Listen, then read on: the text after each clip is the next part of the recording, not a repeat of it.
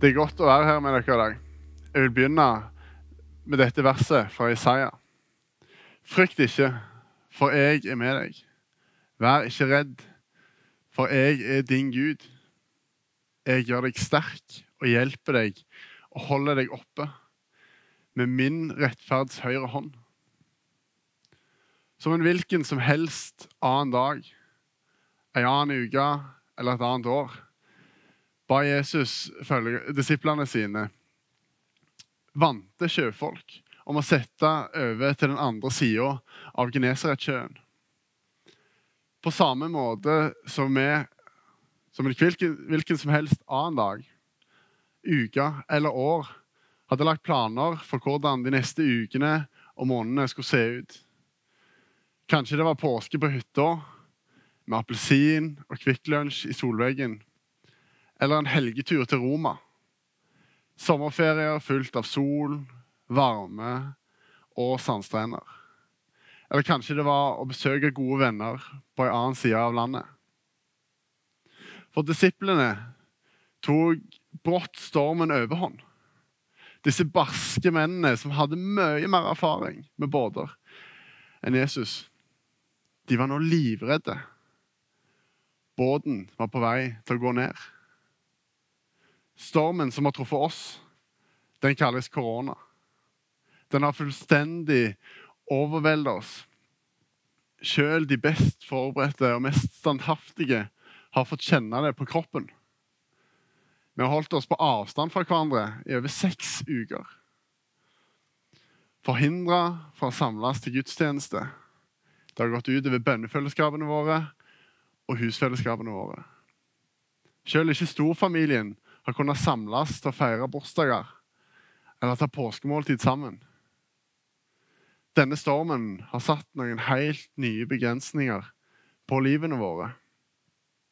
Og den vinden som blåser over oss, og båten, den fylles med vann. Om du først har begynt å lese alle nyhetene om det her viruset, så kan du sitte fra morgen til kveld. Det vil ingen ende ta. Vi er i fare. Og Det er akkurat derfor denne jobben som vi gjør sammen, er så viktig. Vi er med på dugnad for helsevesenet og for de som er i risikogruppa. Og òg for alle de som ikke har samme tilgang på et strålende helsevesen sånn som vi har her i Norge. Den stormen som rår over oss, har tatt med seg en kraft som kan føles på kroppen. Frykt. En kraft som er så sterk, og sterk nok til å kunne fengsle hver og en av oss. Det kan gjøre oss handlingslamma, skape panikk og fylle hjertene våre med sorg. Frykten kan få oss til å hyle ved synet av det vi er redde for. Den kan få kroppen til å stivne for den som er redd for høyder. Eller så kan den gjøre oss paranoide, som når du er ute og svømmer i sjøen og konstant kjenner på usikkerheten om hva er det som lurer under overflaten. Jeg tror det er veldig mange som har kjent på frykten den siste tida. Han kommer i ulike former og i ulike fasonger. Men han tærer like fullt på oss alle. Hva han nærer seg på, vil være forskjellig. Etter den, enten det er frykten for sykdom, for deg sjøl eller for noen som står deg nær. Eller det er frykten for økonomien fordi man står i fare for å bli permittert, eller at du allerede har blitt det. For noen vil frykten være det å være alene.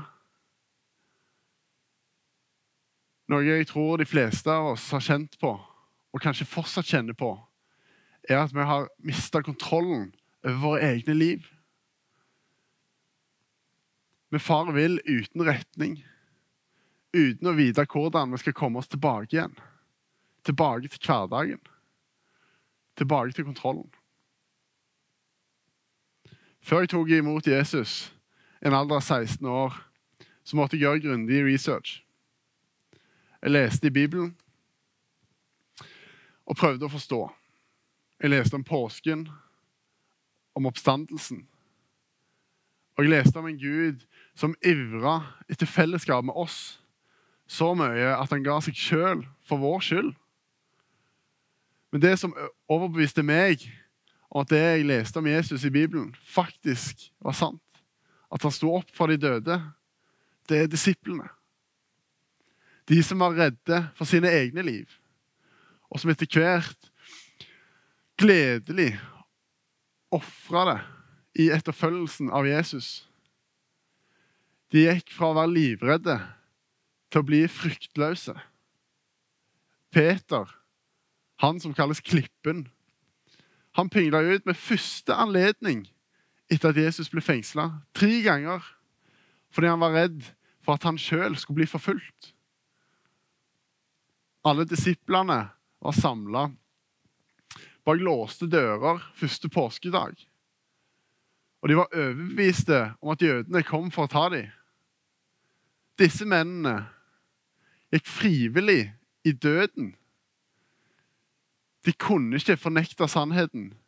Jesus er Kristus.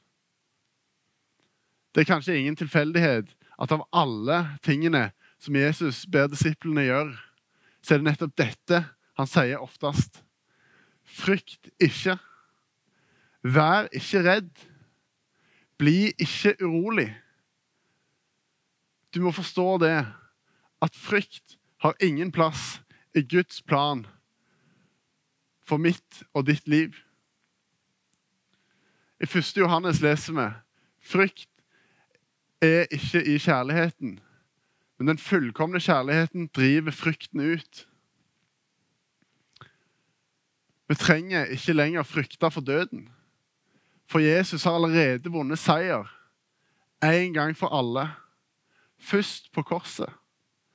Så var han i dødsriket for å ta tilbake nøklene, og nå har han dratt for å gjøre i stand et rom for oss, sammen med seg sjøl. Og der, med korset, lar han oss komme med alt vi bærer. Og han sier, 'Kom til meg, alle dere som strever og bærer tunge byrder.' 'Og jeg vil gi dere hvile.'